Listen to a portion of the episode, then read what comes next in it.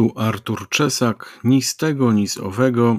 Czytam XIX-wieczny przekład polski Księgi Snobów Zakareja. Snoby, rozdział siódmy. Dalszy ciąg poprzedzającego. Widzicie ten dom, który stoi tuż obok mieszkania Ledy Zuzanny Skraper? Jego balkon osłoniony jest z góry szeroką markizą, która dziś wieczór zostanie ugarnirowana firankami ku większej wygodzie gości Sir Alureda i Lady de Mogens. Ich bale nie mniejszą budzą admirację, jak i sami wydający je gospodarze. Bladoróżowa Liberia ze srebrnymi galonami i trudne do opisania pantalony pluszowe koloru strączkowego sprawują, że skoro lokaje Mogynsów ukażą się w Hyde Parku, promienie oczne wszystkich spacerujących na nich się koncentrują. Tamto Ledy Moggins przychodzi codziennie rozsiadać się na atłasowych poduszkach z, nier, z nierozdzielnym na kolanach szpicem nie większym od pięści, tam raczy od czasu do czasu obdarzać ukłonami sam kwiat arystokracji. Bardzo się czasy zmieniły dla Marii Anny, czyli jak ona sama się tytułuje, Marianny de Mogens. Jest ona córką pani pana Flak, kapitana ochotników recdremskich, który przed wielą już laty rzucił się z głębi Irlandii na czele swego pułku do hrabstwa Kermarten. Sama jego obecność w kraju Gallów była dostateczną, żeby przerazić i przykuć do miejsca z drugiej strony kanału La Manche korsykańskiego ludożercę, zamierzającego wtargnąć do Wielkiej Brytanii.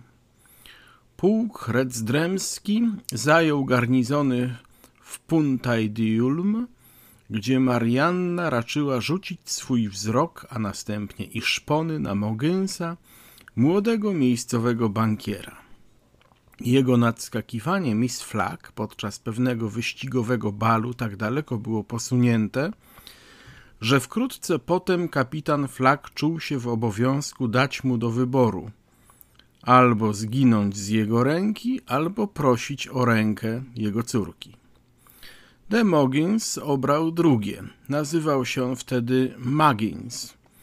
Ojciec jego był bogatym wojskowym liwerantem i po trosze kontrabandzistą, zresztą człowiekiem niezmiernie przemyślnym. Z przyczyny rzeczonego małżeństwa ów papa dobrodziej prawie zupełnie wydziedziczył swego synala. Opowiadają ludzie, jakoby Muggins, ojciec, miał zostać baronem za to, że niby pożyczył pieniędzy jakiejś osobie krwi królewskiej. Jest to jednak najoczywistszy fałsz. Przecież familia królewska, zacząwszy od księcia Walii i nie wyjmując ani jednego z jej członków, sumiennie swoje długi płaci. Bądź jak bądź, aż do śmierci pozostał on Sir Tomaszem Magins i zasiadał w parlamencie jako deputowany z Puntaidulum. Na koniec stary bankier umarł. Nieutulona w żalu rodzina podzieliła się jego spadkiem. Najstarszy syn Alfred Schmidt Magins odziedziczył największą część spadku, ojcowskie tytuły i herby. W kilka lat potem przedstawił się w świecie pod nazwiskiem Sir Alureda Moggins Smith de Moggins – pod zasłoną genealogii wynalezionej przez wydawcę wielkiego herbarza szlachty i którą podajemy tak, jak ją znaleźliśmy we wzmiankowanym dziele. De Moggins, Sir Aluret Moggins Smith, baron, drugi tego nazwiska, jest przedstawicielem jednej z najstarożytniejszych familii kraju Gallów. Jej początek gubi się w najodleglejszej starożytności. Rodzina ta posiada drzewo genealogiczne sięgające aż do Sema. Podług legendy datującej się od kilku tysięcy lat, zostało ono nakreślone przez jednego z wnuków rzeczonego patriarchy. Bądź jak bądź, niezmierna starożytność familii Demogens żadnej nie ulega wątpliwości. Za czasów Boadicei Hogin Mogin z klanu Stubawołów był współzawodnikiem Karakstakusa do ręki tej księżniczki. Wojownik ten był olbrzymiego wzrostu, zginął on z ręki Svetoniusa w bitwie, w której padła niepodległość Brytanii. Od niego w prostej linii pochodzą książęta Puntaidiul. Mogyn Złotoharfy, patrz rocznik heraldyczny Ledy Karoliny Gest. Bogyn Merodak Apmogyn, co znaczy czarny diabeł, syn poprzedniego, i długi jeszcze szereg znakomitych bardów i wojowników, którzy zyskali nieśmiertelną sławę w Armoryce i Walii. Udzielni książęta Demogyn długo silny stawiali opór gwałtownym atakom królów angielskich. Na koniec Gam Demogyns był zmuszony poddać się księciu Henrykowi, synowi Henryka IV, i pod nazwiskiem Sir Davida Gam de Mogens oznaczył się w bitwie pod Azincourt. Od niego to pochodzi dzisiejszy baronet.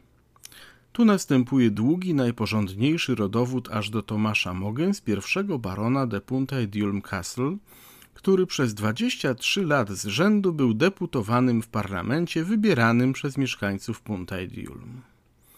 Syn jego, Aluret Mogens Smith, obecnie żyjący baronet, zaślubił Mariannę, córkę generała Flack z Bali Flack z Królestwa Irlandii, potomka hrabiów de Flack. Sir Aluret miał dzieci. Alureda Caradok, urodzonego w roku 1819, Mariannę, urodzoną w 1811, Blankę Adelizę, Emilię Doria, Adelaidę Obleans, Katinkę Rostopczyn i Patryka Flak, zmarłego w roku 1809. Herb Pół pola srebrnego, pół złożonego ze łbów bawolik z otwartymi paszczami, jeden w drugim zawartych. Na hełmie chytry czołgający się niedopesz. Dewiza król albo mogens. Dużo upłynęło czasu, zanim Lady Mogens zaczęła błyszczeć jako promienna gwiazda eleganckiego świata.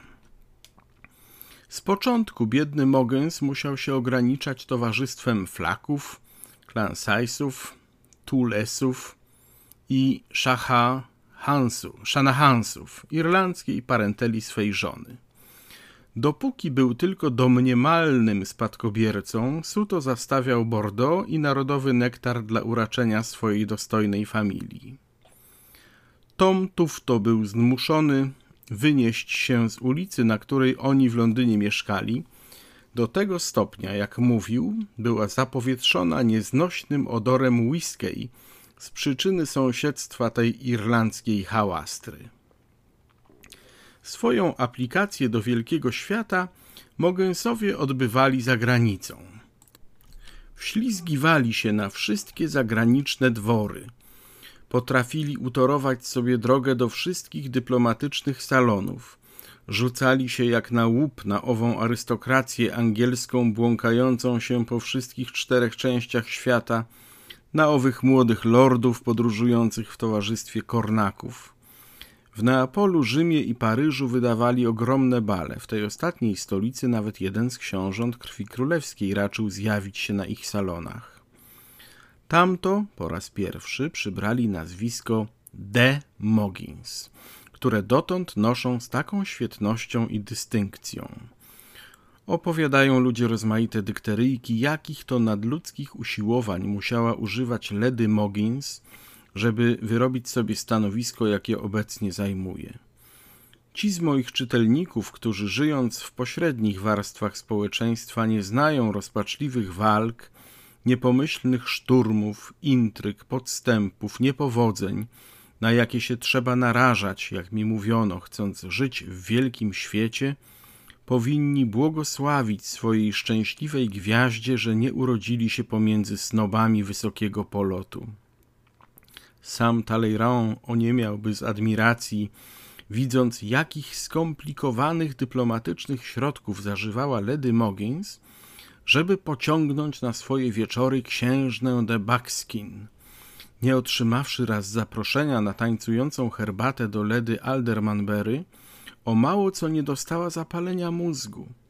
nie wahałaby się ani chwili nawet morderstwo popełnić, żeby zostać przypuszczoną na bal do Windsor.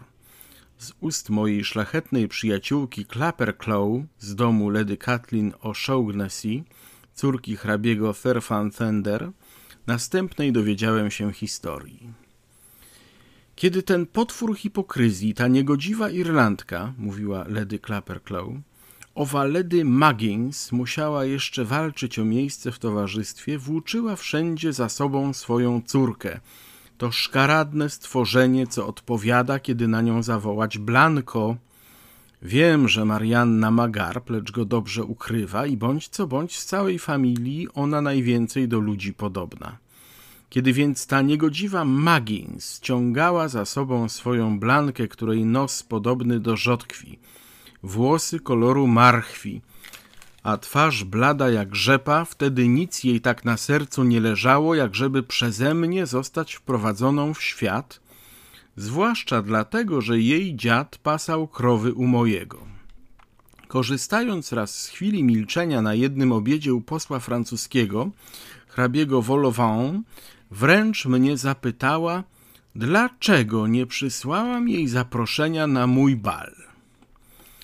Ponieważ moje salony były już zanadto zapełnione i pani byłoby może niewygodnie, odpowiedziałam. Rzeczywiście, dla niej trzeba tyle miejsca, co dla słonia. Zresztą wcale nie pragnęłam jej persony. Było to rzeczą stanowczą. Sądziłam, że moja odpowiedź cokolwiek ochłodzi jej zapał. Gdzie tam? Nazajutrz przylata cała we łzach i rzucając mi się na szyję zawołała Kochana Lady Clapperclaw, nie dla mnie to, lecz dla mojej biednej małej Blanki, błagam cię o zaproszenie. Młoda dziewczyna w samej wiośnie życia moje biedne dziecię umarłaby ze zmartwienia, gdyby się jej nie zaprosiła na swój bal. Co do mnie, ja wcale tego nie potrzebuję. Co bym tu robiła? Zresztą muszę siedzieć w domu. Sir Alured, chory nieborak, cierpi na podagrę. Wiem, że mistress Wolster jest zaproszona. Ona zgodzi się, jeśli pani pozwoli wziąć ze sobą Blankę. Dobrze zresztą, odrzekłam, ale musisz pani coś ofiarować na wsparcie wyrobu płócien i pieców w Rothdrem, ponieważ z tej właśnie pochodzisz parafii i twój dziad, bardzo uczciwy człowiek, pasł tam krowy. Dwadzieścia gwinei, czy dosyć będzie, kochana Lady Clapperclaw? Dwadzieścia gwinei, ależ to wcale dosyć, powiedziałam i natychmiast mi je wręczyła. Blanka może przyjść, dodałam wtedy, lecz co pani, to wcale nie pragnę oglądać, proszę o tem dobrze pamiętać. I cóż, czybyś pan uwierzył, w dzień mego balu, patrzę, wchodzi ze swoją córką. Czy nie mówiłam pani, że nie życzę sobie widzieć jej u siebie? zawołałam z oburzeniem. Co by świat powiedział, gdyby moja córka przyszła sama? wykrzyknęła Lady Moggins. Mój powiózł, zawiózł ser Alureda do klubu. Pozwól mi, kochana Lady Clapperclaw, zaczekać tu dziesięć minut, dopóki po mnie nie wróci. Och, teraz, kiedy pani już jesteś, możesz sobie zostać i razem z innymi zasiąść do kolacji, odpowiedziałam po czym się odwróciłam i przez resztę wieczoru ani słowa do niej nie przemówiłam. A teraz, zawołała stara Lady Clapperclaw, gestykulując i podnosząc głos, po tylu dobrodziejstwach z mej strony, czy uwierzysz pan, co zrobiła? Ta chłopka, ta bezczelna istota, ta wnuczka pastucha, wczoraj w Hyde Parku udała, że mnie nie poznaje i nie przysłała zaproszenia na swój dzisiejszy bal, a powiadają, że i książę Jerzy będzie się na nim znajdował. Takim to porządkiem odbywają się rzeczy w modnym świecie. Lady Moggins za pomocą swojej sprężystości i silnego postanowienia potrafiła wdrapać się na głowę starej Clapperclaw. Można by z dokładnością oznaczyć wszystkie jej stacje w przejściu przez wielki świat – zwracając uwagę na rozmaite kategorie przyjaciół, z którymi naprzód starała się zbliżyć, potem się z nimi przyjaźniła, a na koniec porzucała, żeby pójść dalej. Tak heroiczne przypuszczała szturmy, że na koniec dopięła celu, lecz z warunkiem druzgotania bez miłosierdzia wszystkich szczebli, po których się pieła. Irlandzka parentela pierwszą była ofiarą, następnie ojciec został przeniesiony do stołu majordoma, co zresztą staruszkowi dosyć było na rękę. Chętnie byłaby się w tenże sam sposób pozbyła i ser Alureda, gdyby on nie był węgielnym kamieniem wszystkich jej ambitnych projektów. Potrzebowała go zresztą dla zebrania posagu dla córki. Przytem jest to człowiek wcale spokojnego i zgadzającego się charakteru. Dżentelmenem został od tak dawna, że dosyć się już włożył do pełnienia funkcji swego nowego stanowiska. Rolę szlachetnego ojca familii nie zgorzej już odgrywa. Dzienne godziny dzieli między klub wojskowy i kawiarnię 40 bilardów. W pikietę gra znakomicie, a w Wista przegrywa dosyć znaczne sumy do swoich młodych przyjaciół z zagranicznego klubu. Syn zajął jego miejsce w parlamencie i z porządku rzeczy przyłączył się do partii Młodej Anglii. Jest to jedyny człowiek, który nie wątpi o świetności pochodzenia rodziny de Mogens i z westchnieniem wspomina czasy, kiedy jego przodkowie prowadzili nasze wojska do zwycięstw. Napisał on cały tom bladych i nędznych wierszydeł. Sypia w białych kozłowych rękawiczkach.